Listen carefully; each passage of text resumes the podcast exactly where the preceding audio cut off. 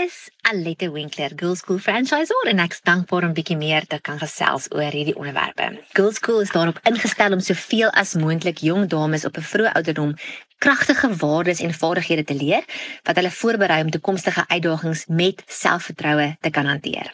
Girls School groei landwyd en ons het reeds 33 franchises en ons sien uit daarna om hande te vat met elke ouer in hierdie ongelooflike de mekaar wêreld waarin ons lewe. Girls School is 'n trots geankerde skool met Christelike waardes en opgewonde om 'n aandeel te hê om die balans iewers te begin herstel en om 'n nuwe generasie van sterk selfversekerde dames op te rig. Vandag se gesprek gaan oor selfsorg en in 'n neutedop is dit enige iets wat jou laat voel dat daar vir jou omgegee word. Al is dit jy wat vir jouself omgee.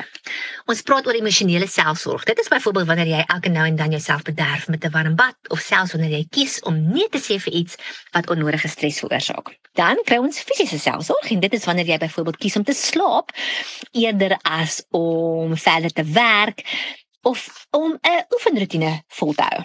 En dan kry ons natuurlik ook geestelike selfsorg. En dit is byvoorbeeld om kerkbyeenkomste by te woon, tyd in die natuur te spandeer, tyd te maak om te bid of om 'n dankbaarheidsjoernaal te hou. Wanneer ons teen die einde van die dag sien dat ons foon se battery pap is, kan ons dit verstaan. Veral na 'n dag vol van e-posse en boodskappe stuur, aanlyn tyd spandeer, musiek luister, oproepe maak. Natuurlik. Jou battery raak ook pap oor tyd en selfsorg help ons om daai batterye te herlaai. Dit vermeerder jou algehele welstand, produktiwiteit, konsentrasie en soveel meer.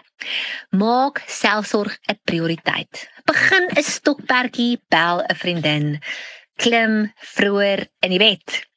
Ek verstaan dat ons as ouers baie besig kan raak en selfsorg onder aan die lysie is. Maar begin om dit toe te pas en kyk hoe baie dit by jou lewe voeg. Voor ek afsluit, wil ek dan net gou gesels oor persoonlike higiëne. Met dit dat ek self 'n ouer is, het ek gesien hoe belangrik dit is om in hierdie area 'n goeie verhouding met my kinders te hê en met hulle te kan gesels oor bietjie meer as net die basiese konsepte wat ek geleer het toe ek 'n kind was.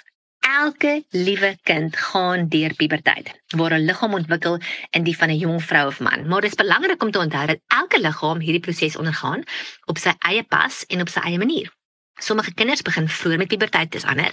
En die een se veranderinge gaan anders lyk as die ander een se en dit is oukei. Okay.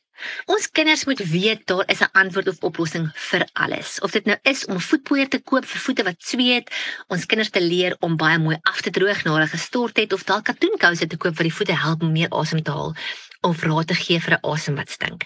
Al hierdie veranderinge is oorweldigend.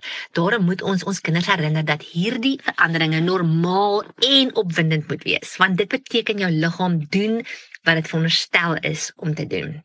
En dit is belangrik dat hulle weet hulle kan met jou gesels as hulle hierdie uitdagings beleef of wanneer hulle sit met vrae en onsekerhede. Ons almal moes al iewers iets soortgelyk teergewerk het en hulle is nie alleen nie. Kyk uit vir volgende week, dan praat ons lekker oor etiket.